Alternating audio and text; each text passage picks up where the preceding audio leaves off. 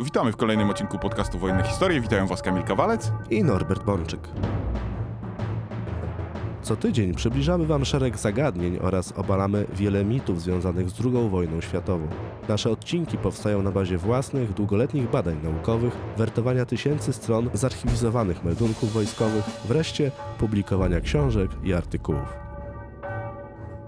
Ten podcast istnieje dzięki zaangażowaniu i niezwykłej hojności naszych patronek i patronów, za co im bardzo dziękujemy. Jeżeli Ty też uważasz, że warto zostać naszym patronem, możesz wesprzeć nas wpłatą w serwisie Patronate pod adresem patronate.pl łamane na podcast Wojenne Historie. Norbert, czy mógłbyś mi dzisiaj wyjaśnić, dlaczego we wrześniu 1939 roku te niemieckie czołgi tak łatwo rozjechały naszą armię? Czy my nie mieliśmy świadomości, jak to jest duże zagrożenie? Przecież już w jednym z naszych odcinków rozmawialiśmy o tym, jak duże sumy inwestowaliśmy w rozwój naszej broni przeciwpancernej. Co zatem spowodowało tę katastrofę? To jest złożony temat, Kamilu, i bardzo ciekawy i smutny niestety.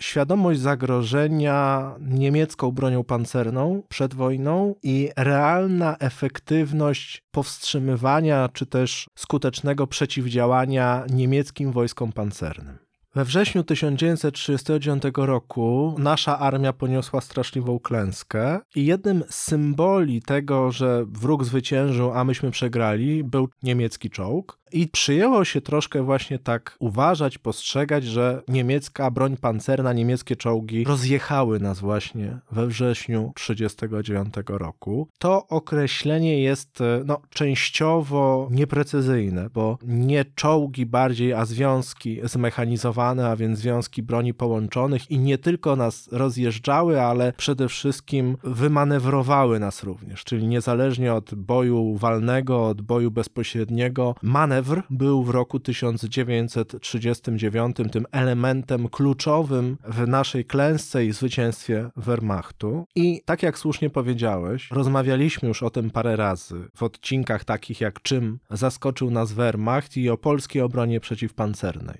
Jak bardzo w wojsku polskim istniała świadomość zagrożenia bronią pancerną przeciwnika, jak przygotowywaliśmy się do odparcia tego zagrożenia. No i koniec końców, dlaczego nam się nie udało, a dlaczego czołgi przeciwnika odniosły taki sukces, mimo że przecież jeżeli spojrzymy na wiele epizodów wojennych, na wiele epizodów bitewnych, bojów, kiedy nawet przeanalizujemy starcie pod Mokrą, o której też już rozmawialiśmy, kiedy zobaczymy natarcie czołgów pod Mławą, kiedy zobaczymy walki w Beskidzie Żywieckim i w wielu innych miejscach, na ulicach Warszawy, nad Bzurą, to zobaczymy, że przecież same czołgi niemieckie tak łatwo nie miały. Istniały w wojsku polskim odpowiednie środki przeciwdziałania broni pancernej przeciwnika, ale one nieraz czy drugi skuteczne na poziomie taktycznym nie oddziaływały skutecznie na poziomie operacyjnym, bo i nie mogły. Środki przeciwpancerne to wyłącznie domena taktyki. Pojedynczy czołg, pluton czołgów, kompania czołgów, batalion czołgów, nawet brygada czołgów, to też jest tylko poziom taktyki ale już operowanie związkami broni połączonych w sferze operacji również funkcjonuje i już armia toczy bitwę w wymiarze systemowym. I tak jak powiedziałem, może nie tyle, co czołgi nas rozjechały, co z jednej strony rozjechał nas niemiecki system, a z drugiej strony u nas tego systemu do końca nie było. I marszałek Śmigły Ryc, generał Stachiewicz, czyli szef sztabu głównego Wojska Polskiego, tak jak i inni czołowi oficerowie Wojska Polskiego, że wspomniemy tutaj o generale Sosnkowskim, który koordynował działania KSUS-u, Komitetu do Spraw Uzbrojenia i Sprzętu, odpowiedzialnego za wytyczanie takich ścieżek modernizacji technicznej armii. Oni wszyscy, mając świadomość problemów, zapóźnień, ograniczeń, podjęli wysiłki, aby zminimalizować te problemy. A mimo to, gdy 1 września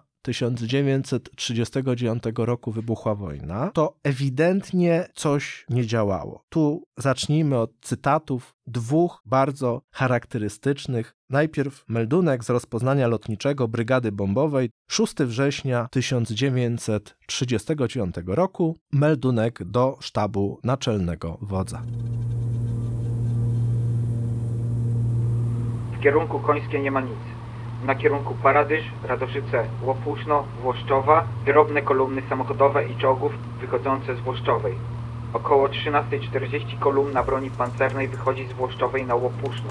Czoło w Krasocinie, koniec we Włoszczowej. Włoszczowa rynek zapchany samochodami i wozami pancernymi. W rejonie Opoczno, Paradyż, Falków, Ruda Malinowska nie ma żadnych kolumn pancernych. Bombardowana była kolumna na drodze Włoszczowa-Oleszno, przed Oleszno oraz sama Włoszczowa. Zaobserwowano jedną bombę w środku rynku. Z koniec pola czołgi i samochody w kierunku Włoszczowa.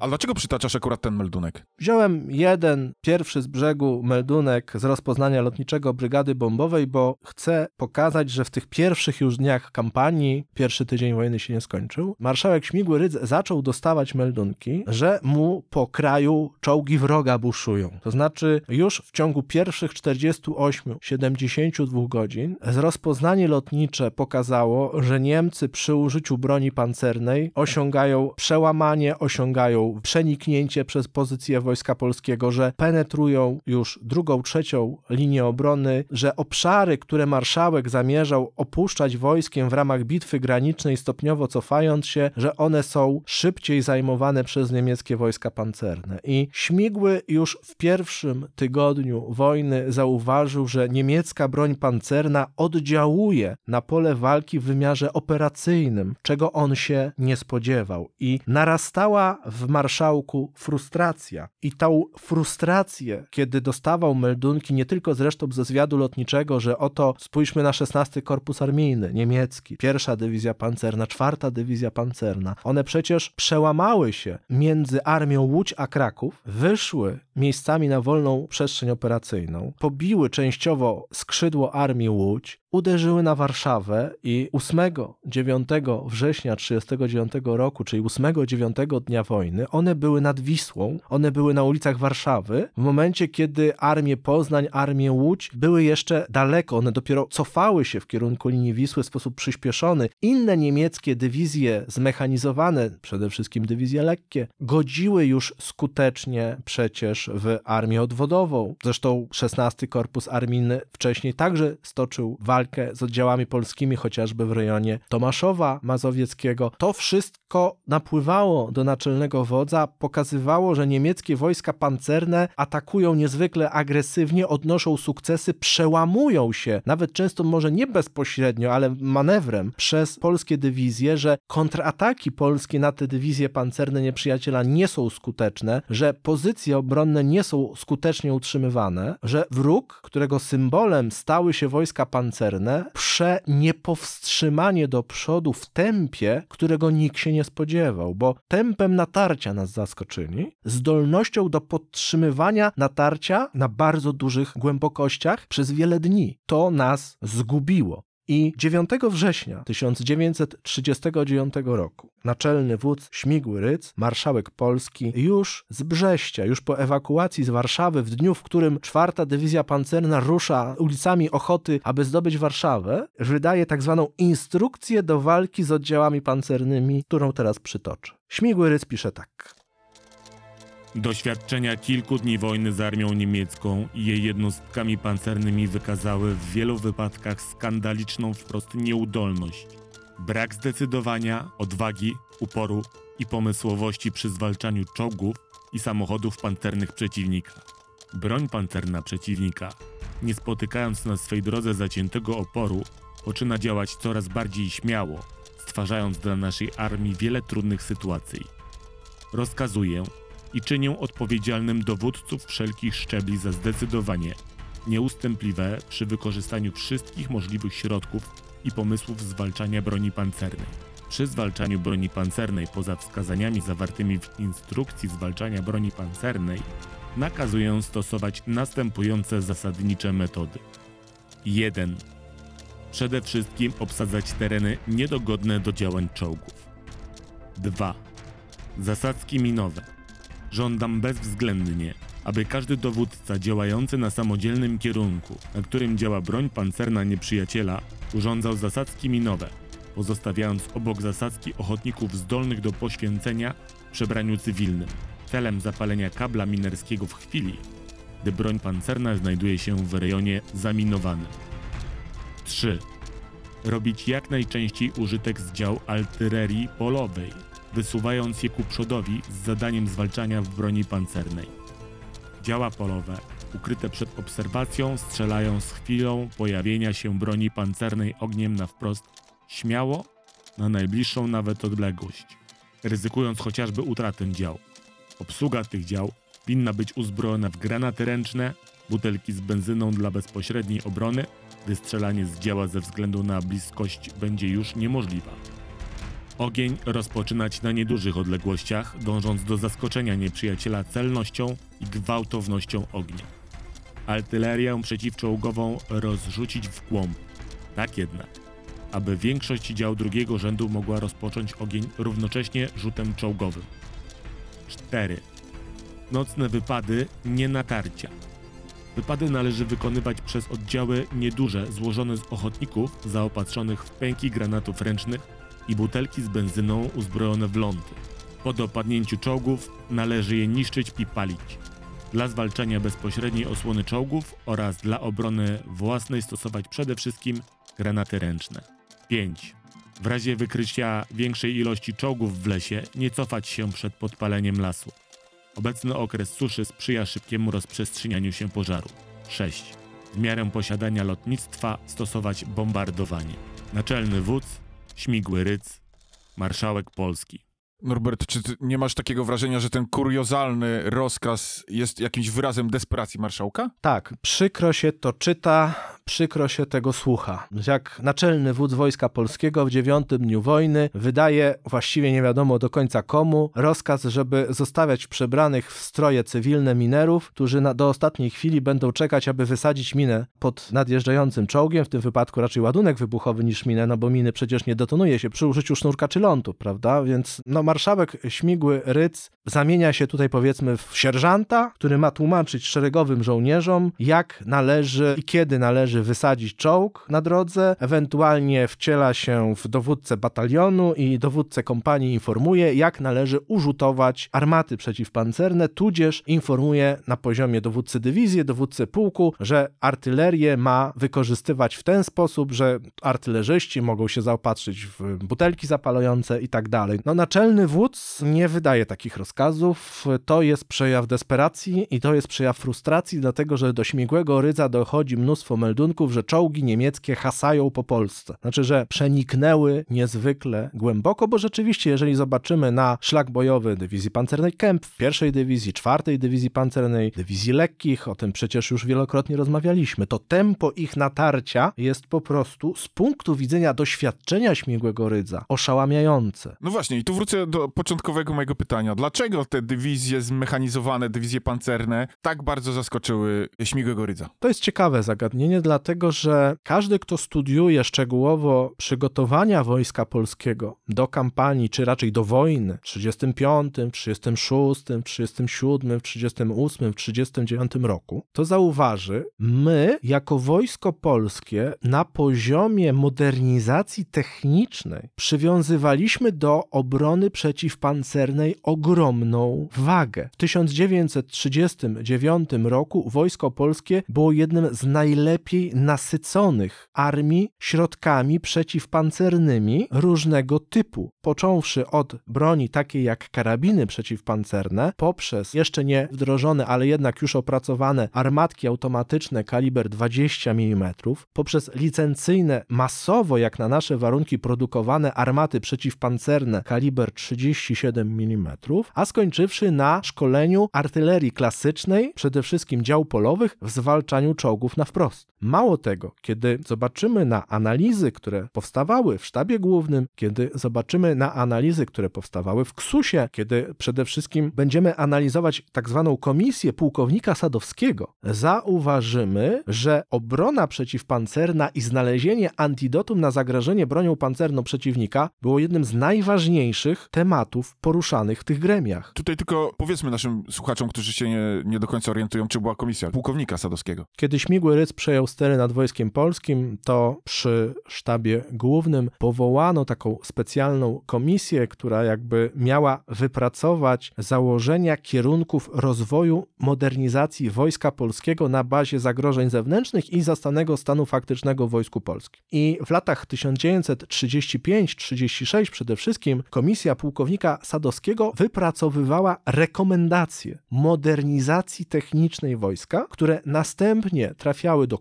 A koniec końców zatwierdzał je w tej lub w innej formie marszałek Śmigły Ryc. No i wracając do naszej obrony przeciwpancernej, o której mówiłeś, dlaczego ona nie zatrzymała tych niemieckich czołgów? Dzisiaj w Centralnym Archiwum Wojskowym w Warszawie zachowały się dokumenty Sztabu Głównego z 35, z 36 roku właśnie z prac komisji pułkownika Sadowskiego i na przykład pod datą 15 listopada 1936 roku jest dokument oddziały motorowo-pancerne, tak zwane OM-y, Dlatego, że my niezależnie od kupowania armat przeciwpancernych, prac nad karabinem przeciwpancernym, prac nad automatycznym działkiem 20 mm, szukaliśmy odpowiedzi na zagrożenie, czy to w postaci radzieckich korpusów zmechanizowanych, czy niemieckich dywizji pancernych, poprzez tworzenie jednostek mobilnych, związków taktycznych szczebla brygady, tych tak zwanych oddziałów motorowych, do przeciwdziałania zagonom pancernym przeciwnika. Czyli na poziomie teoretycznym wojsko polskie w wymiarze kompleksowym próbowało znaleźć środki odpowiedzi. Czyli to były te działania systemowe, o których mówiłeś na samym początku. To była próba znalezienia działań systemowych. Naszą tragedią w 1939 roku było to, że nam ta próba po prostu nie spracowała. Ale o tym za chwilę. W 1936 roku podpułkownik dyplomowany Sadowski pisał tak.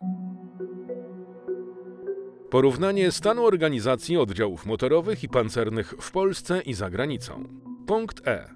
Wielkie jednostki pancerno-motorowe. Niemcy zorganizowały w czasie pokoju trzy dywizje pancerne. W organizacji dywizji pancernej dominują czołgi walki. Ogromna ich masa, 517 sztuk, w tym 84 czołgi średnie, nadaje dywizji pancernej charakter wielkiej jednostki o typie uderzeniowym. Jej zdolność obronna jest mniejsza niż francuskiej lekkiej dywizji zmechanizowanej ze względu na małą ilość artylerii. Poglądy na użycie wielkich jednostek pancerno-motorowych we Francji, Niemczech i Rosji. Niemcy. Użycie wielkich jednostek pancernych sprecyzowane zostało w regulaminie niemieckim w następujący sposób. W walce wielka jednostka pancerna winna być użyta na skrzydle i tyłach przeciwnika albo do przełamania.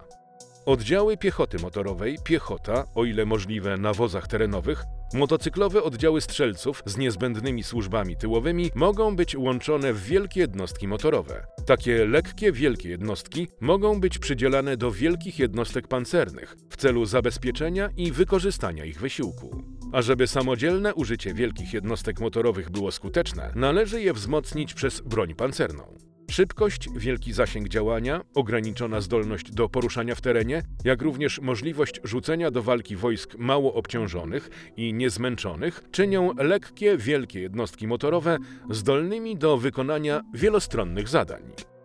Mogą być one szybko i nieoczekiwanie rzucone do walki na odległe miejsca i są w stanie w krótkim czasie rozwinąć lub zwinąć swoje siły w walce na szerokim froncie. Wielka jednostka pancerna i lekka, wielka jednostka motorowa muszą się często liczyć z nieoglądaniem się na swoje połączenia tyłowe.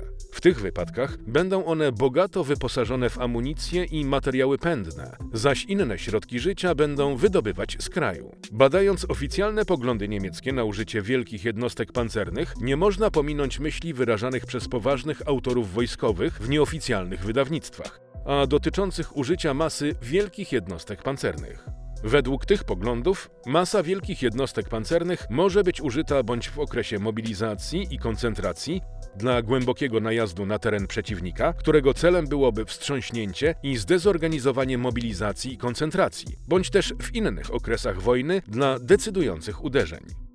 Przeanalizujmy ten pierwszy fragment. Tutaj pułkownik Sadowski podkreśla to, że po pierwsze Niemcy, ale i Armia Czerwona mają już wielkie związki taktyczne o charakterze mechanicznym i że te związki są jednostkami szybkiego reagowania i mają zdolność do gwałtownego uderzenia nawet w okresie poprzedzającym mobilizację powszechną. Innymi słowy, my już w roku 1936 mieliśmy pełną świadomość tego, że Wehrmacht, formując jednostki zmotoryzowane, nadał im charakter charakter priorytetowy, że Niemcy mogą uderzyć tymi dywizjami nawet bez wypowiedzenia wojny, bo mają wysoki poziom ukompletowania w czasie pokoju i bardzo szybko można wykorzystać je w walce. Dlatego Sadowski mówił, że można użyć tych jednostek już w okresie mobilizacji i koncentracji dla pogłębienia najazdu na teren przeciwnika. Czyli mieliśmy tą świadomość zagrożenia na poziomie teoretycznym i mieliśmy świadomość tego, że to są jednostki przebojowe, czyli że one są i silne ogniowo, i silne manewrowo, bo co jest podstawą taktyki walki? Ogień i ruch. Klasyczna dywizja piechoty ma relatywnie dużą siłę ognia, ale jej ruch jest upośledzony. Klasyczna dywizja piechoty w walce dwóch równorzędnych sił przy dużym nasyceniu pola walki wojskiem, czyli na przykład odwrotnie niż w roku 1920, gdzie tego wojska było mało i gdzie obie strony operowały, bo miały wolne skrzydła. Ale w warunkach klasycznego pola walki dywizja piechoty stawia na siłę ognia, ruch mimo wszystko jest upośledzony względem kawalerii. To kawaleria była jednostką o mniejszej sile ognia, ale o większym zdolności ruchu. I był podział na bronie główne, na piechotę i na kawalerię. Piechota, siła ognia, gorszy ruch, kawaleria, gorsza siła ognia, lepszy ruch. Natomiast dywizja pancerna była elementem łączącym te dwa w jedno. To znaczy była to jednostka, która łączyła dużą siłę ognia z dużą manewrowością. I dlatego Sadowski mówi, że to jest związek taktyczny zdolny do obu tych zasadniczych form walki jednocześnie że może dywizja pancerna nie tylko objechać naszą dywizję piechoty, ale może też się przez nią przełamać czołowo dzięki olbrzymiej liczbie czołgów. Czyli my na poziomie teoretycznym mieliśmy konkluzję, że dywizja pancerna jest groźna. Przejdźmy dalej. Wnioski wynikające z porównania. Analiza możliwości sąsiadów. Niemcy, Rosja. Istnienie wielkich jednostek pancerno-motorowych typu ciężkiego u obu sąsiadów już w czasie pokoju, to jest dywizji pancernych w Niemczech i korpusów motomechanicznych w Rosji, oraz intensywne studia prowadzone nad organizacją i użyciem tych związków każą się realnie liczyć z ich wystąpieniem na polu walki w czasie wojny. Głównymi zaletami tych wielkich jednostek pancerno-motorowych są wielka szybkość marszowa 150-250 km dziennie oraz duża szybkość taktyczna, duża siła przełamująca, zdolność przełamania pozycji umocnionej na przestrzeni od 2 do 4 km. Mała wrażliwość na ogień dzięki szybkości i pancerzom. Zdolność samodzielnego działania dzięki zapewnionej obronie sprzętu pancernego przez piechotę. Natomiast słabymi stronami tych wielkich jednostek, ograniczającymi ich możliwości użycia są absolutna zależność od dostaw materiałów pędnych, stąd wielka wrażliwość tyłów, wielka zależność od drożni i warunków terenowych, ograniczenia możliwości działania w nocy, stosunkowo słaba zdolność do obrony w miejscu, trudność ukrycia przemarszu przed lotnictwem, stąd trudności zaskoczenia operacyjnego i wrażliwość na bombardowanie lotnicze, trudność dowodzenia wynikająca z szybkości marszu i długości kolumn. W tych warunkach możliwe formy użycia tych wielkich jednostek są następujące. Głęboki wypad w głąb naszego kraju w okresie mobilizacji i koncentracji. Potężne i szybkie działanie na skrzydła i tyły naszych armii. Czołowe działania przełamujące. I teraz spójrzmy na te wnioski wynikające z porównania. Otóż Sadowski wyraźnie pisze, że dywizja pancerna ma zdolność marszową nawet 250 km w ciągu dnia, że ma dużą siłę przełamującą na wąskim odcinku, że jest mało wrażliwa na klasyczne środki ogniowe piechoty, ale jednocześnie Sadowski pisze, że dywizja pancerna jest uzależniona od materiałów pędnych i ma dużą wrażliwość tyłów, co jest swego rodzaju nieprawdą, w tym sensie, że i tak i nie. Tak, oczywiście dywizja pancerna jest wrażliwa, bo potrzebuje dużo materiałów pędnych, ale każdy związek taktyczny jest uzależniony od sprawnie działającej logistyki podczas gdy z tej konkluzji pułkownika Sadowskiego wniosek jest fałszywy, że oto dywizja pancerna jest bardziej uzależniona od zaplecza niż dywizja piechoty, co nie jest prawdą, bo każda dywizja jest uzależniona od wydajności logistyki. Poza tym pułkownik Sadowski stwierdza, że wielka zależność od drożni i warunków terenowych. To był jeden z naszych największych błędów w myśleniu o przyszłej wojnie. My byliśmy przekonani, że państwo polskie, biedne, bez dobrych dróg, bez autostrad, z drogami piaszczystymi, że to będzie teren walki dla niemieckich dywizji pancernych niesprzyjający.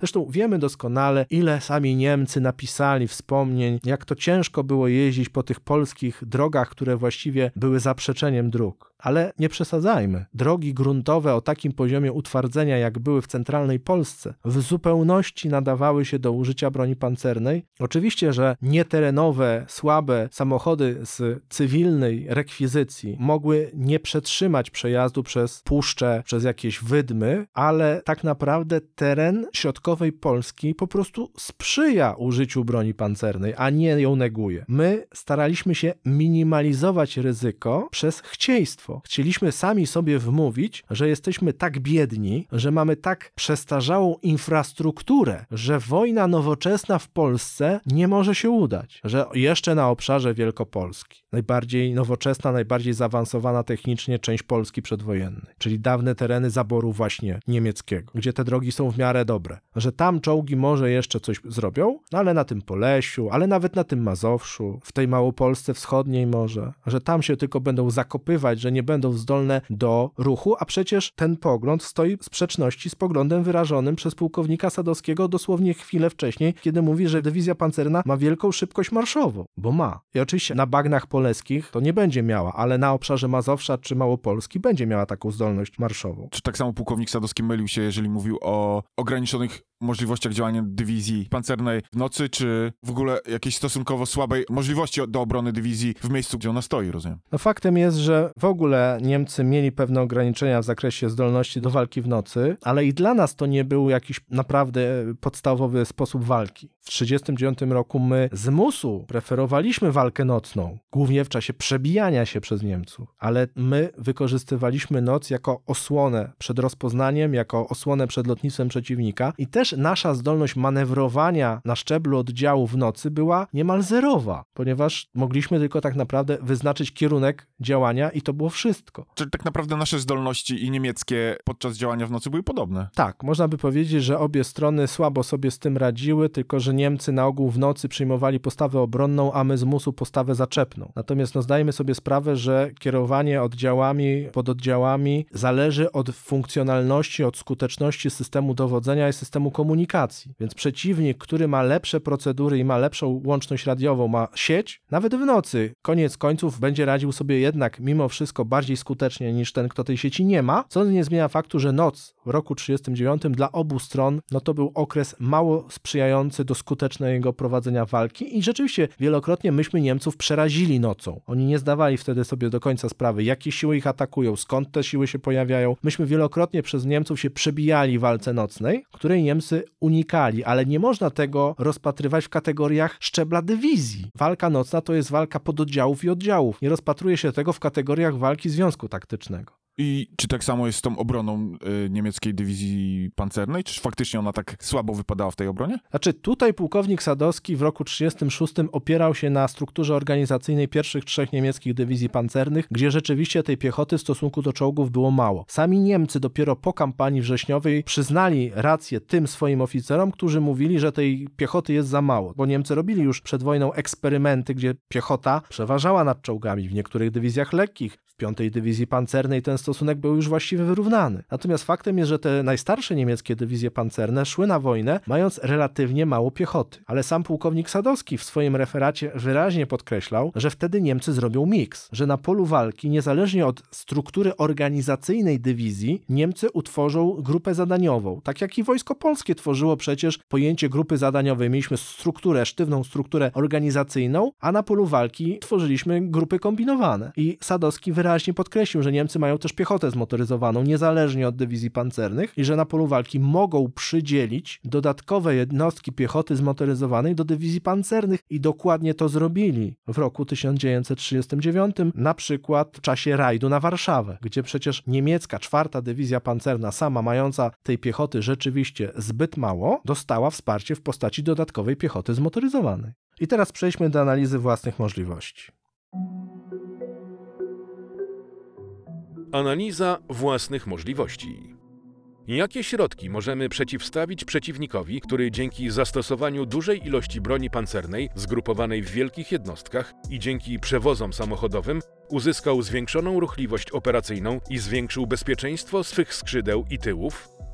Aby przeciwstawić się działaniom wielkich jednostek pancerno-motorowych przeciwnika, nasuwa się przede wszystkim myśl stworzenia analogicznych, silnych i licznych wielkich jednostek pancerno-motorowych, które mając taką samą zdolność szybkiego manewrowania, miałyby szansę przeciwstawić się wielkim jednostkom pancernym przeciwnika i nie tylko sparaliżować ich manewr, ale również zniszczyć je własnymi szybkimi uderzeniami. Rozwiązanie to jest w naszych warunkach niemożliwe. Dla stworzenia jednej wielkiej jednostki pancernej trzeba zaangażować około 1500 samochodów ciężarowych. Dwie, trzy takie jednostki zużyłyby cały zapas samochodów w kraju kosztem zupełnej demotoryzacji wojska, co jest nie do pomyślenia.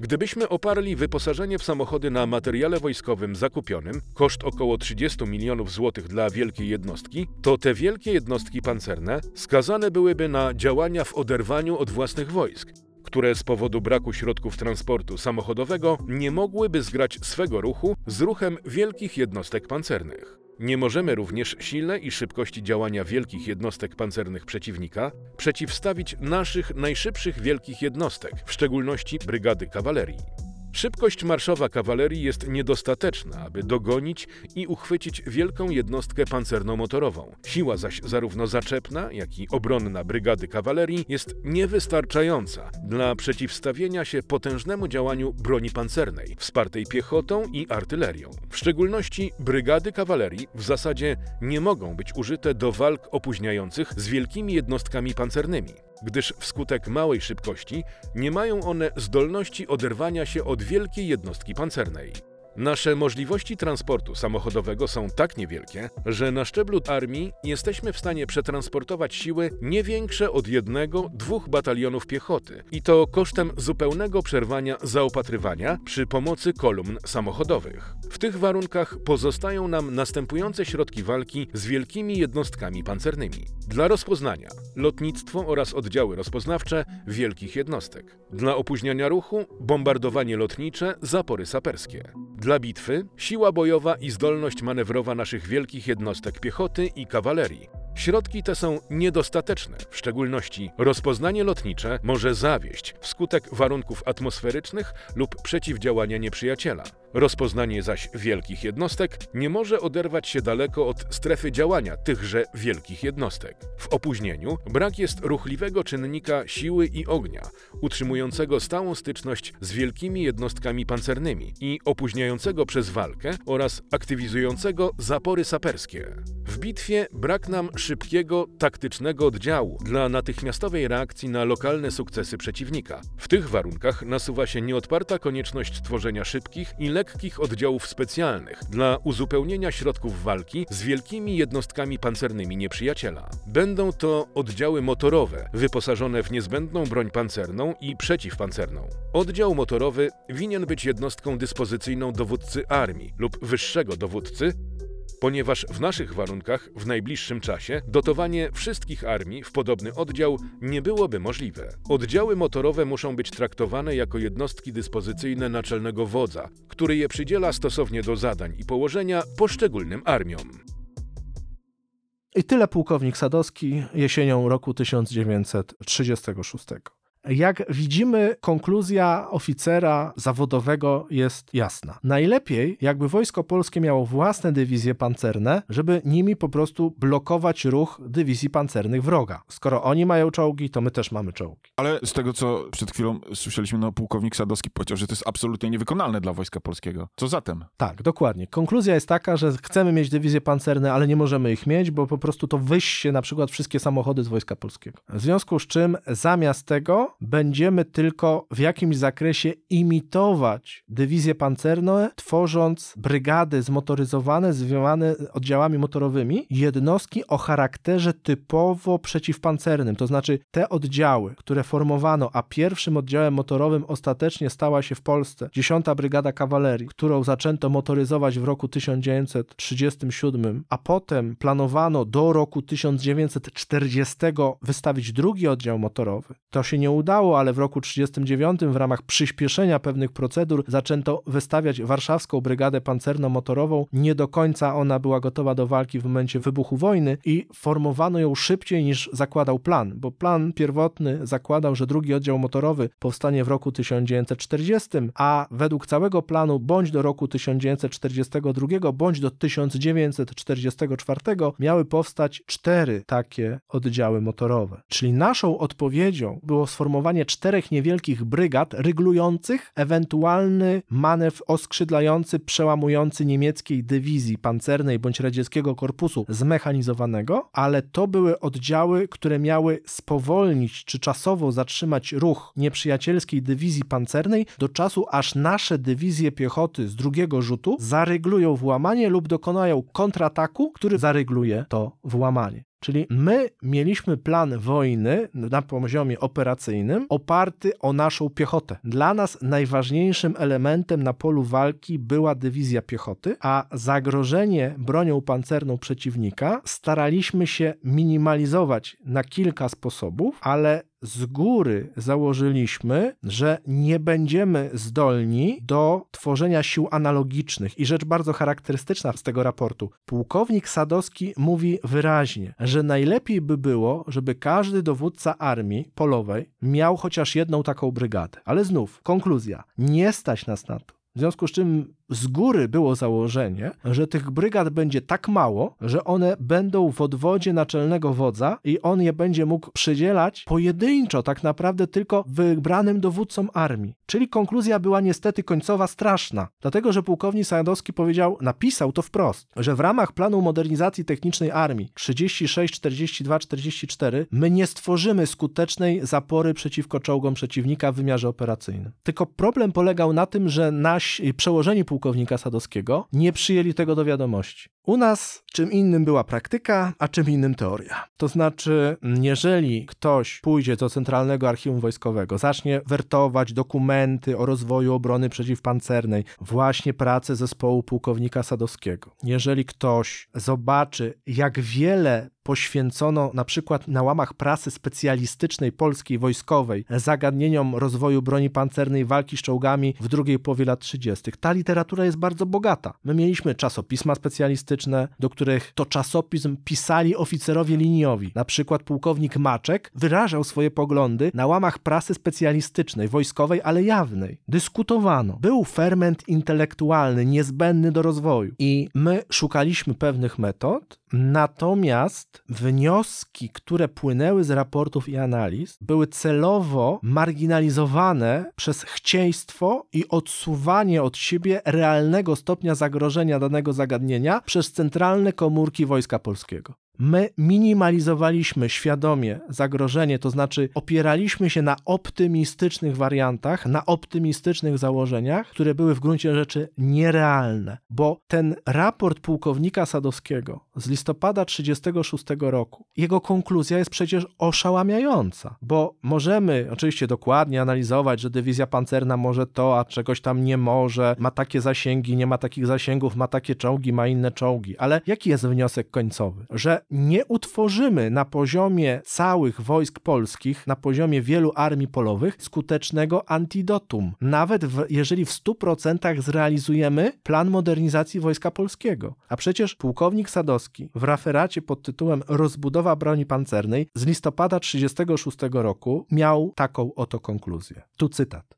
Niemcy w dotychczasowym rozwoju swojej broni pancernej nastawili się głównie na użycie jej dla samodzielnego, operacyjnego uderzenia i dlatego też w pierwszej kolejności poszli na formowanie ciężkich brygad pancernych. Dywizje te mogą być elementem poważnego manewru operacyjnego na skrzydło lub w głąb ugrupowania operacyjnego przeciwnika i są zdolne do działań przebojowych na samym polu walki. Czy mógłbyś prostym językiem wyjaśnić, o co tu chodzi? Najprościej jak się tylko da. Pułkownik Sadowski prosto z mostu walnął. Broń pancerna przeciwnika ma charakter operacyjny. Słowem, nie jest dywizja pancerna bronią tylko w sferze taktyki, chociaż to jest związek taktyczny, ale chodzi o to, że na polu walki ten związek taktyczny ma taką przebojowość, ma taki zasięg rażenia, że z taktyki przechodzi wyżej na poziom operacyjny. Bo jeżeli dywizja przełamie się przez wojska przeciwnika, oskrzydli je, a potem wyjdzie na wolną przestrzeń operacyjną, sparaliżuje tyły całej armii, wymusi odwrót całej armii, to ten związek taktyczny oddziałuje na armię przeciwnika już na poziomie operacyjnym. W II wojnie światowej poziom operacyjny i poziom taktyczny przenikały się ze sobą.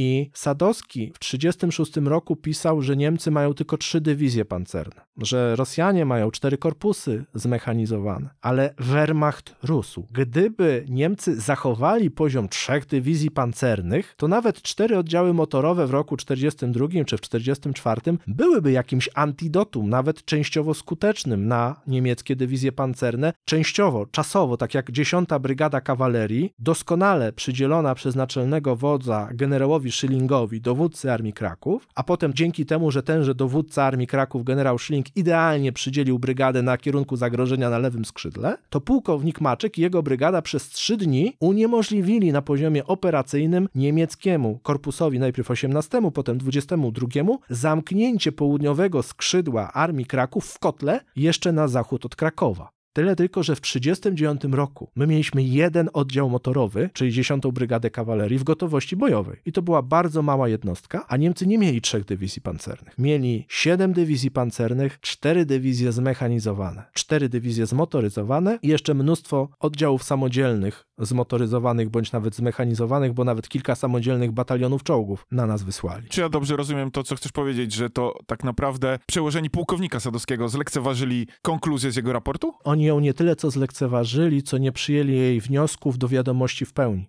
Dlatego, że raport pułkownika Sadowskiego jest miażdżący dla całej sztuki operacyjnej Wojska Polskiego, w tym sensie, że Sadowski mówi wprost: obejdą nas albo się przez nas przełamią. Oczywiście, on również w jakimś zakresie minimalizuje zagrożenia, o czym już wspomniałem. Było w Wojsku Polskim przeświadczenie, że taka dywizja zrobi nam krzywdę na poziomie taktycznym, że może głęboko uderzyć, ale mimo wszystko nie w wymiarze operacyjnym, że nie wyrwie się 200 km do przodu, no ale przecież Sadowski sam pisze to, że jest do tego zdolna. Więc jeżeli Sadowski minimalizował gdzieś ryzyko dywizji pancernej, a gdzie się uwypuklał, to jego przełożeni czytali, czy raczej przyjmowali do wiadomości tylko to pierwsze. A, mamy złe drogi, dywizja pancerna jest uzależniona od dróg, jest uzależniona od dostawy paliwa. No nie ma takiej opcji, żeby przeszła 250 km marszem dziennym. No 250 km rzeczywiście, no coś takiego to się nie zdarzyło, ale jeżeli dywizja robi jednego, drugiego, trzeciego, czwartego dnia po kilkadziesiąt kilometrów, no to już oddziałuje operacyjnie. Jak wyjdzie na wolną przestrzeń operacyjną, to już koniec. I dlatego 9 września Śmigły Ryc, który musiał wyjechać z Warszawy, bo przecież na Rakowiecką prawie pod sztab, pod nową siedzibę naczelnego wodza podjechały niemieckie czołgi. Więc Śmigły już wcześniej musiał wyjechać z Warszawy do Brześcia, a w miejscu, gdzie skąd chciał kierować armią, to już nasze obsługi armat odpierały ogniem niemieckie czołgi i rzeczywiście z tymi butelkami z benzyną czy z butlami z terpentyną lataliśmy za tymi Pancer 1 i Pancer 2 na ulicach naszej stolicy, dziewiątego dnia wojny. I pogoniliśmy je akurat wtedy, prawda? Ale chodzi o to, że one już były pod stolicą. Chodzi o to, że w kolejnych dniach dywizja pancerna Kempf nie dość, że sforsowała Narew, nie dość, że to, to jeszcze sforsowała Bug i zaczęła nas oskrzydlać w ogóle od wschodu, jeśli chodzi o Warszawę. Ona w końcu znajdzie się w Garwolinie. W związku z tym, no zobaczmy skąd startuje, a gdzie jest Garwolin. Przeszła dwie olbrzymie przeszkody wodne. Wymanewrowała dwa nasze związki operacyjne i dojechała aż tam. D nieco ponad dwa tygodnie wojny. Chodzi o to, że marszałek Śmigły Ryc nie lekceważył broni pancernej w wymiarze taktycznym. Poświęcił bardzo dużo czasu i wysiłku w rozbudowę obrony przeciwpancernej Wojska Polskiego, ale nie przyjął do wiadomości do końca tego, że broń pancerna będzie oddziaływała w wojnie w wymiarze operacyjnym, tak samo jak nie przyjął tego do wiadomości jego najbliższy, zaufany oficer, generał Stachiewicz, szef sztabu głównego Wojska Polskiego, a w kampanii wrześniowej szef sztabu naczelnego wodza. Ci dwaj oficerowie przyznali później, że właściwie nie docenili znaczenia broni pancernej na polu walki, mimo że przecież zainwestowali tak wiele pieniędzy w armaty przeciwpancerne, w karabiny przeciwpancerne, w wiele procedur, ale nie pojmowali znaczenia czołgu jako narzędzia w skali operacyjnej operacyjnej i tak planowali kampanię 1939 roku, jakby to zagrożenie w skali operacyjnej nie występowało. Jakby broń pancerna była bardzo groźna, ale była groźna tylko na poziomie taktycznym. I Stachiewicz napisał po wojnie wspomnienia i tam stwierdził, że nie doceniono broni pancernej aż tak dalece, przy czym Stachiewicz wybielał się w swoich wspomnieniach stwierdzeniem, że przed wojną wojsko polskie nie miało okazji wypracować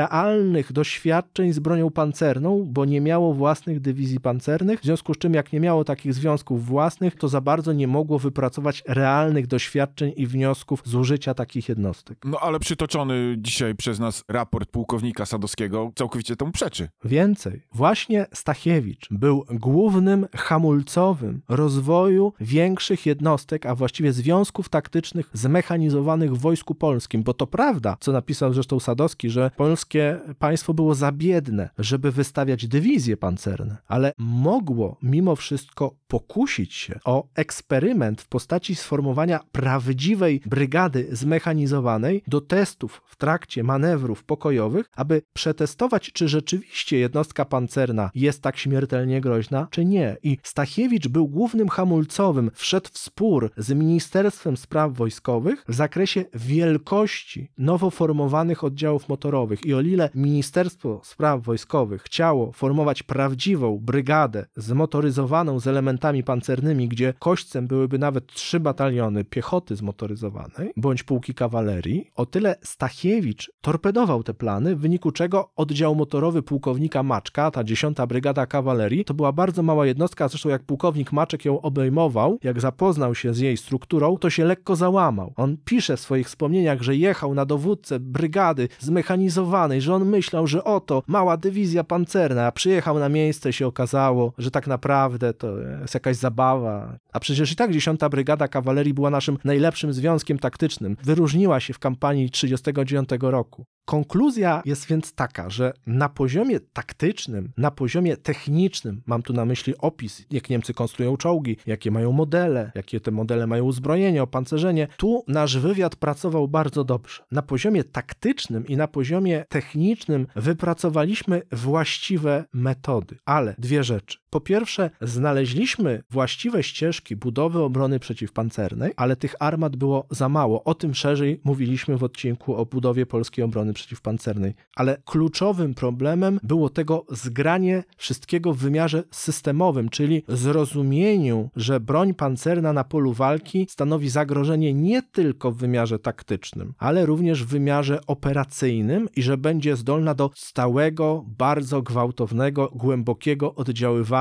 w naszym ugrupowaniu, a nawet na tyłach naszego ugrupowania. Tego najwyżsi dowódcy Wojska Polskiego nie przyjmowali do wiadomości, to widać w planowaniu kampanii roku 39, w na przykład w tym, jak planowano, w jakich terminach czasowych rozwijać poszczególne jednostki, jak powstawały olbrzymie przestrzenie wolne, które wręcz zachęcały przeciwnika do tego, aby spotęgować siłę broni pancernej. Tutaj nie było na szczeblu centralnym właściwego zrozumienia stopnia tego zagrożenia. Ale czy na obronę wyższych stopniem oficerów Wojska Polskiego nie można powiedzieć, że no nie mogli tego wiedzieć, jak ta wojna będzie wyglądała, bo nigdy wcześniej takiej wojny z taką ilością broni pancernej i wojsk zmotoryzowanych nie było. Można by powiedzieć, że to sztandarowe hasło obrońców planowania z roku 39, bo rzeczywiście podnoszono te głosy, a przed wojną trwała w Wojsku Polskim dyskusja, bo było wielu oficerów, którzy mówili, e, niemieckie czołgi to jakaś blaga, zakopią się, po trzech dniach zabraknie im benzyny. I to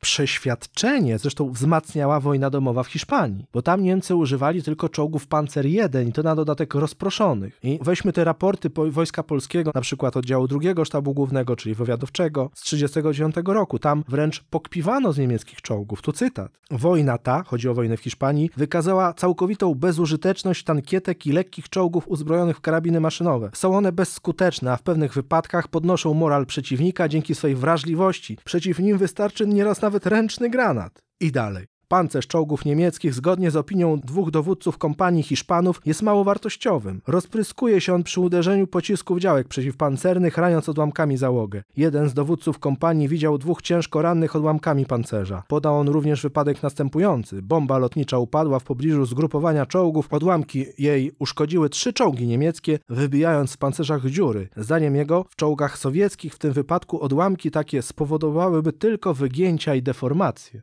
Czyli w roku 1939 na bazie doświadczeń z Hiszpanii mówiono, że czołgi w jednostkach samodzielnych się nie sprawdzają, bo w Hiszpanii się nie sprawdziły, bo niemieckie czołgi są słabe, bo mają tylko karabiny maszynowe i słaby pancerz i w ogóle można je rozwalić granatem. Było takie minimalizowanie ryzyka, tylko że wojna z Hiszpanii była zupełnie niereprezentatywna w stosunku do struktury Wehrmachtu. W 1936 roku Sadowski na czarno na białym napisał Niemcy tworzą dywizje pancerne, w których mają setki czołgów i na polu walki, na paru kilometrach mogą w pewnym momencie skoncentrować jeden, dwa, trzy bataliony pancerne, jak pod Mokrą 1 września 1939 roku. Koniec końców Niemcy samymi czołgami zajęli Polanę Mokra. Nie było doświadczeń praktycznych w sukcesach broni pancernej w skali operacyjnej, czy nawet nie było doświadczeń praktycznych z sukcesów dywizji pancernych niemieckich. Ale na poziomie teoretycznym wielu światłych oficerów podkreślało, że to ryzyko istnieje, a Niemcy na to ryzyko postawili, zaryzykowali, więc my nie mogliśmy minimalizować tego ryzyka i udawać w ramach chcieństwa, że to im się nie uda. Tylko w wojsku planuje się tak, że najważniejszym elementem jest najbardziej czarny scenariusz. Więc jeżeli wiesz, że wróg inwestuje w rozwój broni pancernej na poziomie związków taktycznych, że z dywizji pancernych może tworzyć całe korpusy szybkie, że Niemcy, zajęcie Austrii, zajęcie Czech w marcu 1939 roku oparli o interwencję jednostek szybkich, jak widzisz to, że przeciwnik przyjął takie zasady gry, to nie możesz z góry minimalizować zagrożenia, zakładając, że to jest błąd, tylko musisz mieć z tyłu głowy, że tak będzie przeciwnik chciał grać i nie dostosuje się do Twoich reguł. A u nas było niestety takie przeświadczenie, które sprowadzało się do myślenia życzeniowego, lekceważenia siły przeciwnika i do przecenienia siły własnej. Te elementy nas gubiły. Elementem kluczowym jest zrozumienie tego, że czołgi niemieckie nie rozjechały nas może w bezpośrednim tego słowa znaczenia, chociaż było wiele takich przypadków, kiedy broń pancerna bezpośrednio raziła, niszczyła nasze oddziały, pododdziały. Ale chodzi o to, że Niemcy tymi czołgami rozjechali nas na poziomie operacyjnym, że ich korpusy szybkie wyminęły nasze wojska i ruszyły w głąb naszego terytorium. Były jak wirus, jak choroba, która ominęła system ochronny organizmu i poraziła najważniejsze organy. Dziękuję ci, Norbert, za tą medyczną puentę na koniec, która bardzo dobrze oddaje tą sytuację z września 1939 roku i do słyszenia. Dziękuję bardzo. Dziękujemy, że byłeś z nami do końca tego odcinka. Odwiedź nas na Facebooku, Instagramie, Twitterze lub TikToku. Wszędzie tam znajdziesz nas wpisując podcast Wojenne Historie. Do usłyszenia.